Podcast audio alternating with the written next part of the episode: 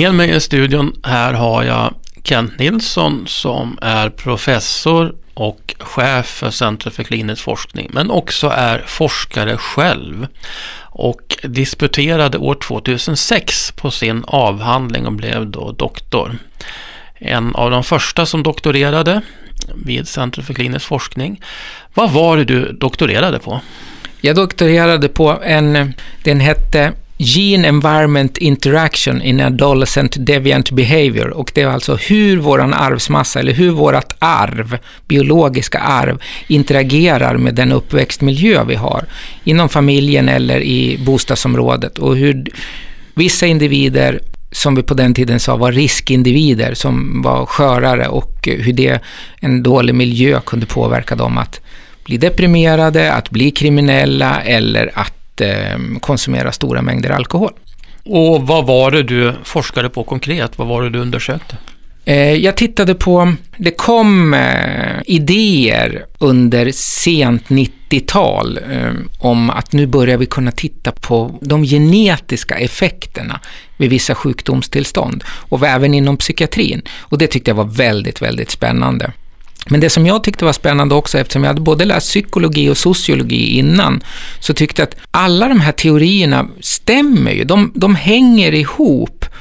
Eh, beroende på hur man funkar i hemmet, eh, i familjen, så har det effekter på hur barnet kommer bete sig.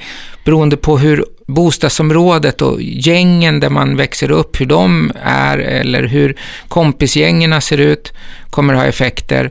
Men så vet vi också att det biologiska arvet har stor påverkan. Och, och för mig så tyckte jag att istället för att forska i ett stuprör, alltså ett, inom psykologiröret eller sociologiröret eller det biologiska röret, så ville jag titta på alla tre samtidigt. Och det var det som, som var mitt forskningsprojekt, eller min forskningsprojektidé som jag gick och presenterade på Centrum för klinisk forskning. Och fick ett par också att tycka att det där var spännande, det måste vi testa.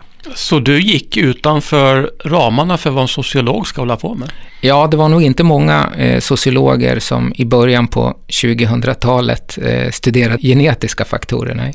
Hur bemöttes det? Din sociologiska världen? Mm, ja, alltså, jag låt han hålla på. Eh, så kan man väl tänka sig. Ehm, det var nog, ehm, det var nog inte som, det var nog ingen, ingen stor skepsis eller så, utan jag, jag hamnade nog ganska tidigt att ses som mer en medicinsk forskare än en sociolog, faktiskt. Och då kom du fram till att det finns olika former av gener som kan skydda oss i en dålig uppväxtmiljö och andra gener som kan då sabotera för oss i en dålig uppväxtmiljö. Kan du förklara lite närmare om det? Ja, det som vi tittade på då, det var, det var framförallt två gener. En som styr serotoninomsättningen, den brukar vi kalla för serotonintransportörgenen. Och vad gör serotonin? Vad serotonin skulle vi kunna säga är en broms i våra impulssystem. Och sen en annan en annan gen som heter monoaminoxidas A.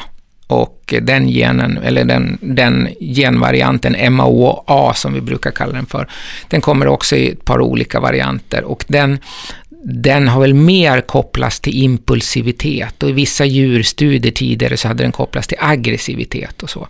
Och man hade också i någon djurstudie sett att den påverkar alkoholkonsumtionen hos både råtta och apa. Och vad konkret innebär det för människor i olika miljöer? Äh, det som, det som vi började titta på då, det var ju att vi, vi kikade på de olika genvarianterna. Och det var två saker som var väldigt spännande i början. Det var att det verkade som att den genvarianten, den korta varianten på MOA till exempel, den gjorde att man var mer impulsiv om man var kille. Medan den långa som då var skyddande för killar, det verkar vara den som gjorde att flickor flickor vart mer impulsiva, drack mer och lite mer kriminella. Under förutsättning att man hade varit med om stressfull miljö, kanske mycket familjekonflikter eller hade bott i ett bostadsområde där det var, var mm, bökigt och stökigt. Men så att genen verkade på det, på det viset vara någonting som en, en eh, sårbarhetsfaktor, att man är känsligare för miljön. Och det här var ju Eh, de, de arbetena kom 2005, 2006 och 2007. En annan spännande sak som vi såg då, men som vi inte riktigt hade ord för, det var ju att i en bättre miljö, alltså den, som, den risktypen för killar, verkade faktiskt vara en skyddande typ. Eh, och det skrev vi redan 2007 om, men vi begrep inte vad det betydde då. Om man växte upp i en, i en riktigt bra miljö med stöttande föräldrar och man inte hade varit med om, om olika typer av trauma, då gick det bättre än snittet för dem med den här då som vi tidigare kallat för risk, som då egentligen var ett skydd. Och då började vi tänka på att vi pratade om någonting. Tog det nästan sju, åtta år till och sen så fick vi ihop ett par arbeten om, om biologisk känslighet för miljön, som det är väl det vi använder idag. Det var då ni kom med den här äh, idén om maskrosbarn respektive orkidébarn. Just. Så och ett orkidébarn, det är alltså den människotyp som har den här sårbarheten att de behöver bästa möjliga jordmån och bästa möjliga bevattning. Ja, så skulle man kunna säga. Det är lite, lite poetiskt åt det hållet. Det vi har sett nu, det är inte bara de här serotonintransportörgenen och monaminoxidas A-genen som ger det här, utan det är många olika gener har man hittat nu de senaste åren, där det här, vad ska vi kalla det för, orkidébarns eller orkidé, att man behöver bättre förhållanden. Det, ju fler saker man studerar inom psykiatrin så, så upptäcker man de här fenomenen, vilket är väldigt, väldigt spännande, just för att det visar hur biologin samverkar med den yttre miljön. Och sen då de så kallade maskrosbarnen som inte har det här, de klarar sig jämnare genom livet?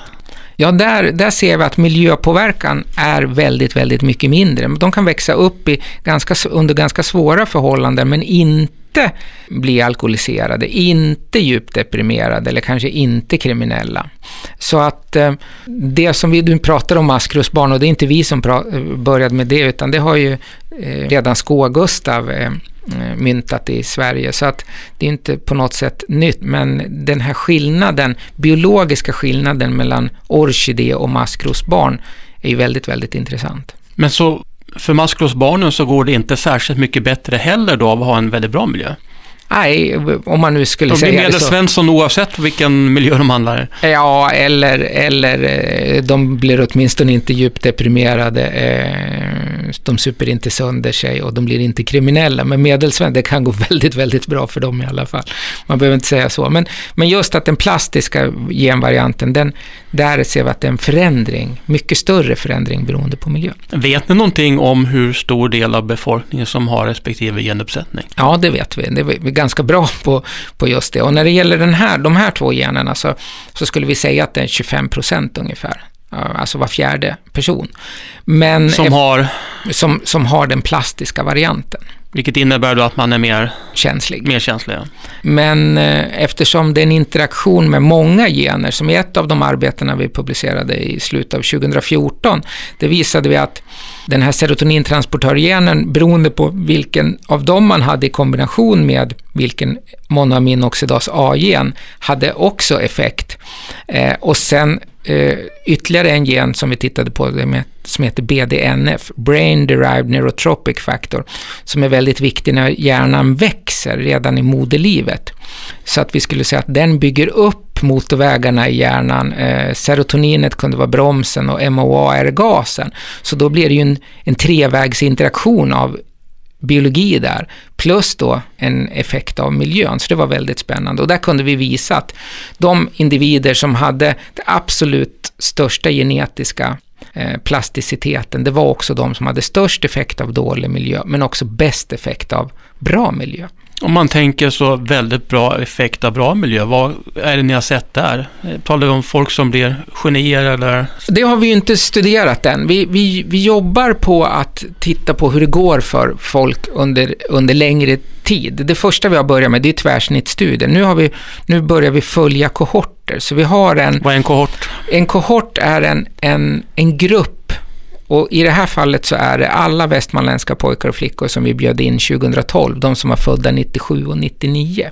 Och de har vi följt nu med tre undersökningar. Så att vi, vi kommer på sikt se hur det går för de här individerna beroende på vilken biologisk eh, uppsättning man har, men också eh, i vilken miljö man, man växer upp. Nu ska vi säga att det här är är ju väl de flesta, allra flesta av de här individerna eller ungdomarna, som nu har passerat 20, de flesta av dem, de är ju välfungerande och så. Men vi ser ju att det är vissa som kanske börjar dricka lite före andra, vissa som spelar dataspel kanske lite mer än andra, vissa som spelar om pengar mer än andra och andra som idrottar mer eller gör andra saker mer. Och det här det här kan man inte säga någonting om än, för nu, det är nu det börjar bli riktigt intressant när vi följer de här individerna över tid. Och det är ända till 2032, under 20 år ni ska följa dem? Ja, det är ju oerhört spännande att se. Kommer du ens jobba kvar här då? Eh, det är ett år innan pension. Det måste ju vara otroligt spännande projekt. Ja. Och det är varannat år ni tar in dem för undersökning då?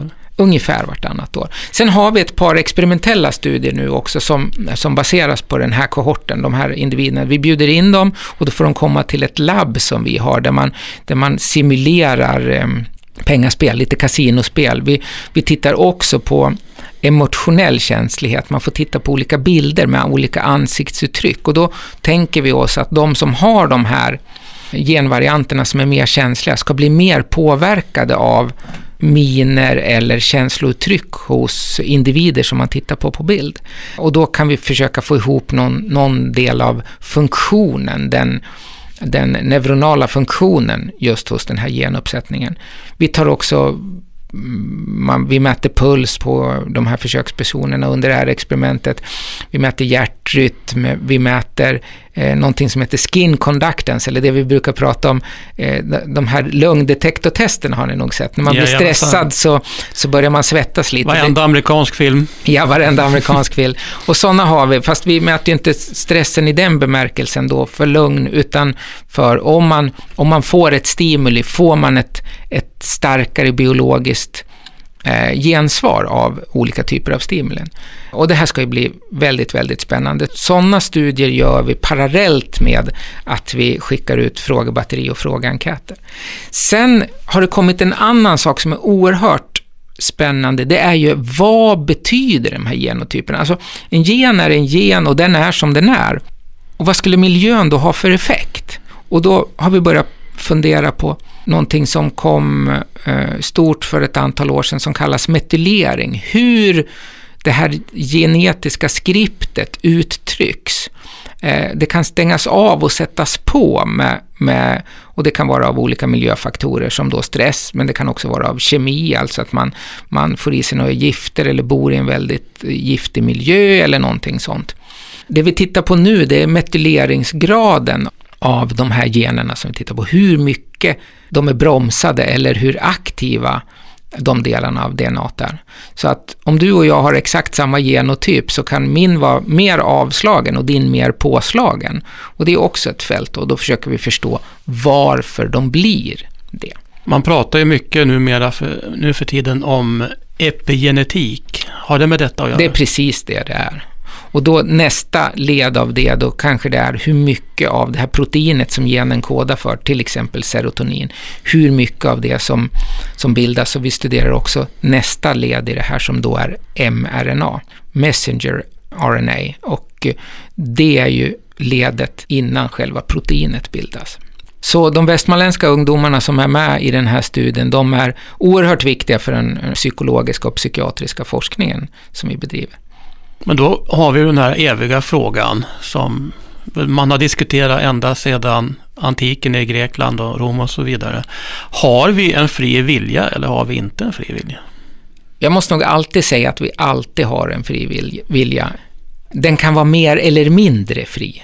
Men det är till syvende och sist så måste varje individ stå för sina val och eh, stå för de eh, handlingar man gör. Du har ju förut sagt att den här nya forskningen har varit som en brygga mellan samhällsvetenskaperna och biologiska vetenskaperna. Att det var ju som två olika läger förut.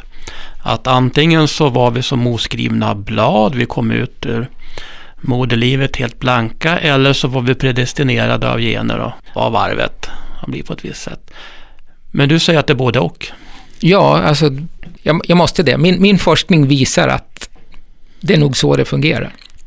Vi, är inte, vi kan aldrig vara ett oskrivet blad, det, det vet vi. Eh, vi har ju vår biologiska uppsättning, så att det är alltid skrivet på det bladet vi har med oss när vi kommer ut. Sen är frågan om vad som är skrivet och hur starkt det är skrivet. Om du skulle sätta någon form av procentsats, hur stor procent är arv och hur stor procent är miljö? Om vi tittar på den traditionella forskningen med tvillingstudier, då är arvet oerhört stort. Alltså över 90 procent. Tittar man på där man har studerat båda delarna, tvillingstudier och adoptionsstudier, då ligger arvet någonstans när det gäller till exempel alkoholmissbruk eller, eller rökning eller för den del kaffekonsumtion eller om man, om man fastnar i gaming och gambling så ligger det någonstans i, i häradet 50-60 procent, någonstans mellan 40 och 60 procent kanske vi skulle säga. Och då är det som man kallar för shared environment, det som du och jag om vi är enäggstvillingar har tillsammans i delad miljö, det står för någonstans mellan 0 och 1 procent. Och non-shared environment ligger någonstans mellan 1 och kanske en, en studie med mycket effekt, 10 procent. Så där ser vi att arvet vinner solklart. Är det de här studierna man har tittat på tvillingar som har skilts åt vid födseln och sen visar sig att de har samma intressen och väljer samma typ av fru och samma jobb? Just, det är de. Det finns bara ett problem med de här studierna som jag ännu inte har lyckats lösa själv, men det, det det, det, har gnagit mig i alla år. Eh, och det, det är eh, beskrivet redan 1970, 77 tror jag det var, av en, av en forskare som framstående på det här. Eh, Plumin hette han. Han visade att ekvationerna man använder i de räknemodellerna förutsätter att det inte finns någon genmiljö interaktion. Vilket betyder? Eh, att eh, arvet går först. I, alltså det, det, man, räknar, man räknar så som om det inte fanns en interaktionseffekt mellan biologin och miljön. Att vissa individer har mer effekt av miljön och andra mindre effekt av miljön. Och eftersom den ekvationen tar Eh, det biologiska arvet först, så att säga. Så störst kör först. I, idag vet vi ju, redan 1977 sa man att det här är fel att räkna så, men man fortsätter räkna på det viset.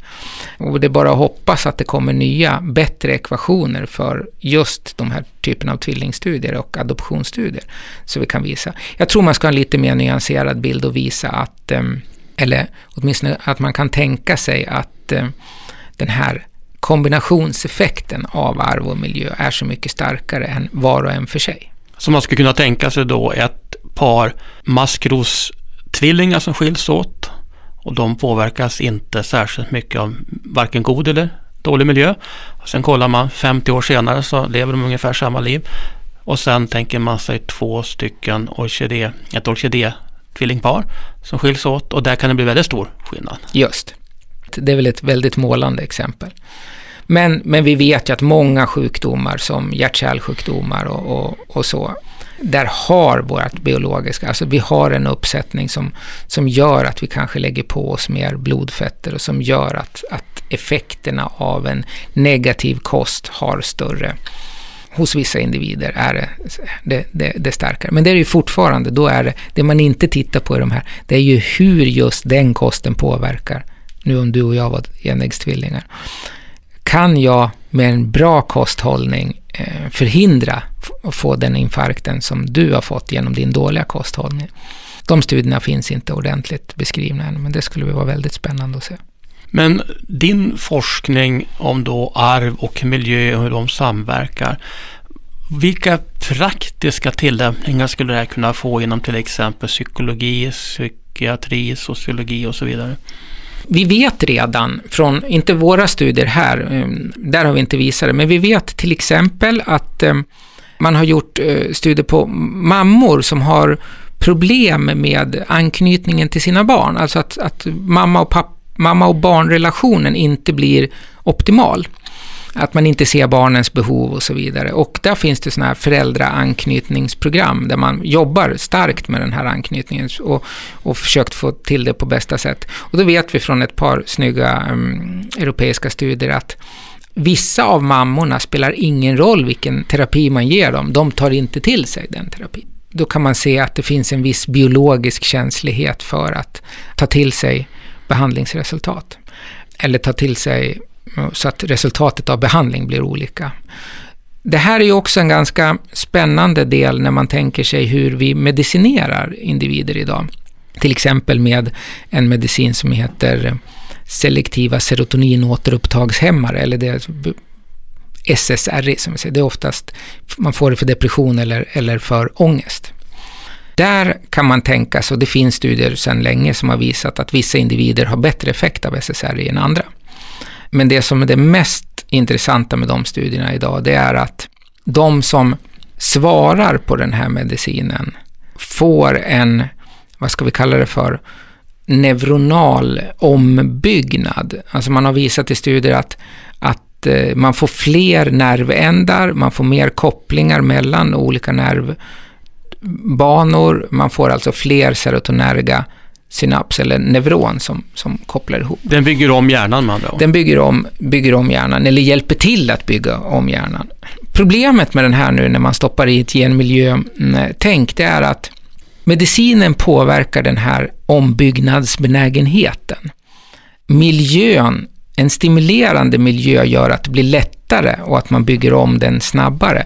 Medan en negativ miljö, till och med i djurstudier, eh, har visat sig att det förändrar hjärnan till det negativa snabbare än utan medicin. Så att, så att det här, det, det är något slags, vad ska vi säga, ett tvåeggat svärd.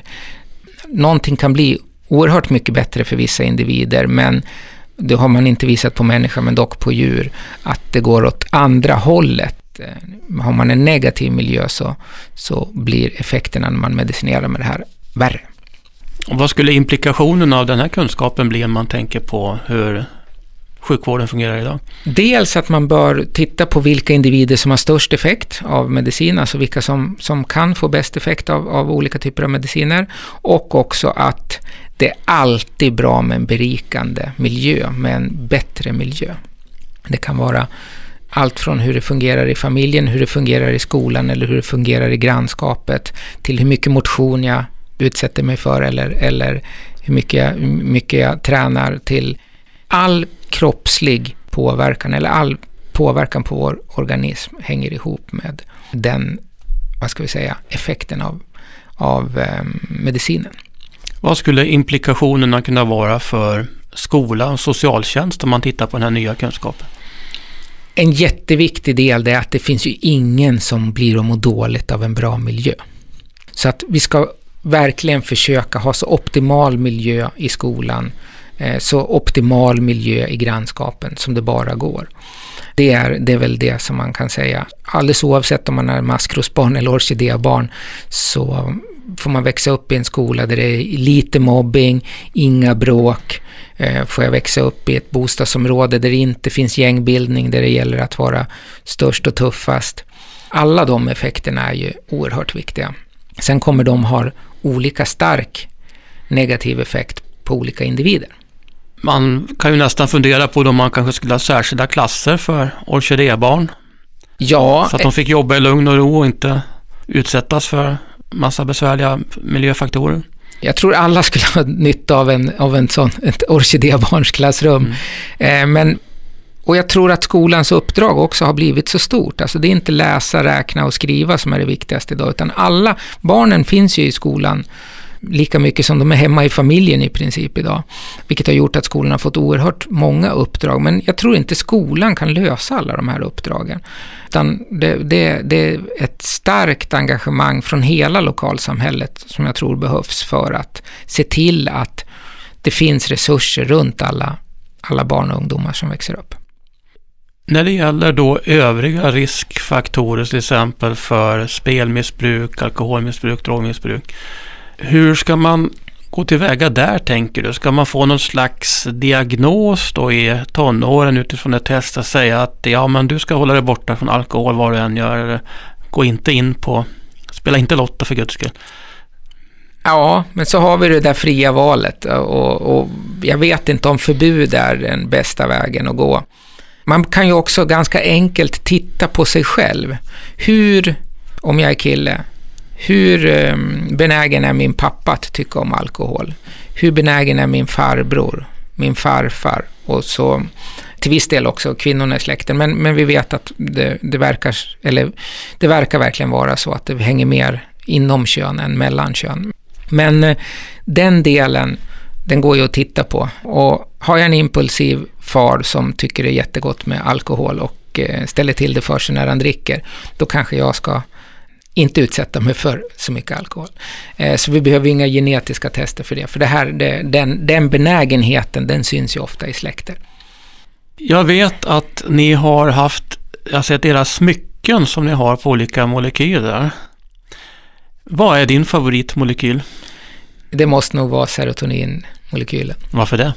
Eh, den är så fascinerande. Den, jag får nog säga MOA också, men de, de, de, de är så fascinerande. De, de hänger ihop med så mycket av de, de vi är och hur vi är. Och eh, påverkan med mediciner, påverkan med, med behandling på just effekterna av den biologi vi har och den, eh, vad ska vi säga, hur den molekylen kommer påverka vem du ser framför dig när du pratar med mig, det, det, det, det jag tycker att det är alldeles fascinerande. Ska man kunna säga att själen består av molekyler? Ja, det är det den är. Vad har du för vision för din forskning de kommande åren?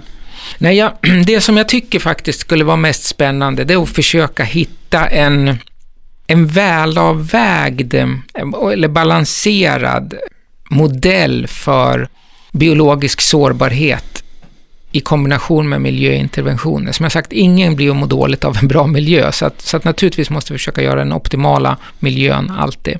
Men också att eh, idag så, om man har ångest eller deprimerad, så kan man ofta få prova en medicin och den har ingen effekt och så provar man nästa och den har ingen effekt och så provar man nästa och den har ingen effekt. Och så har man gått igenom en, en hel arsenal av ett antal mediciner som som ska påverka exempelvis depression eller ångest. Här hoppas jag att vi kan hitta de biologiska förutsättningarna för vilka individer som ska ha medicin och vilka individer som inte kommer ha någon effekt av den här medicinen. För jag tror att vi behandlar väldigt, väldigt många som inte kommer ha effekt av medicin, medan det finns andra som borde få medicin men som dessutom inte får det. Så att vi kan på något vis hitta nyckeln för vilka som ska ha de mediciner som vi nu, som, de mediciner som står till buds redan nu och kanske framtida mediciner också. Så att det tror jag är det som vi behöver fokusera på de närmsta åren eh, när det gäller psykiatri. Och väldigt, väldigt mycket har nog medikaliserats de senaste åren, för vi har äntligen hittat någonting så att säga som, som i snitt hjälper fler än det inte hjälper. Vad är din vision för folkhälsan när det gäller psykiatrisk forskning? Kommer vi att må bättre? Kommer vi att ha en framtid utan massa psykiskt lidande som idag? Det är en jättesvår fråga. Jag tror nog tyvärr att det inte kommer bli så mycket bättre. Det finns mycket nu om man tittar på den andra delen av min, min eh, bakgrund, den sociologiska delen. Vi har aldrig haft så stora klyftor som vi har i Sverige idag. Vi vet att vi har oerhört stora problem med, med ehm, segregation på olika sätt mellan fattiga och rika, mellan eh, sådana som har varit i Sverige i många generationer och sådana som nyss har kommit. Vi har på det hela taget så har vi ganska, om man tittar på den delen av samhället så har vi, det, det, det är rätt dystert. Och vi ser att köerna till psykiatrin bara ökar och ökar. Och det finns inte mer resurser inom psykiatrin. Så att gör vi rätt saker, alltså satsar vi på rätt ställe? Det här tror jag vi har stora utmaningar de närmsta åren. Och man skyller ibland på internet, man skyller på att man ständigt ska vara uppkopplad på Facebook och den påverkan som Instagram har på varandra och sånt där. Och det finns, det finns oerhört många delar i det här som, som vi måste studera och försöka få någon rät sida på. Men, men den, den stora delen det är att det är allt för många som får allt för lite av samhällets resurser. Drömmer du om ett Nobelpris?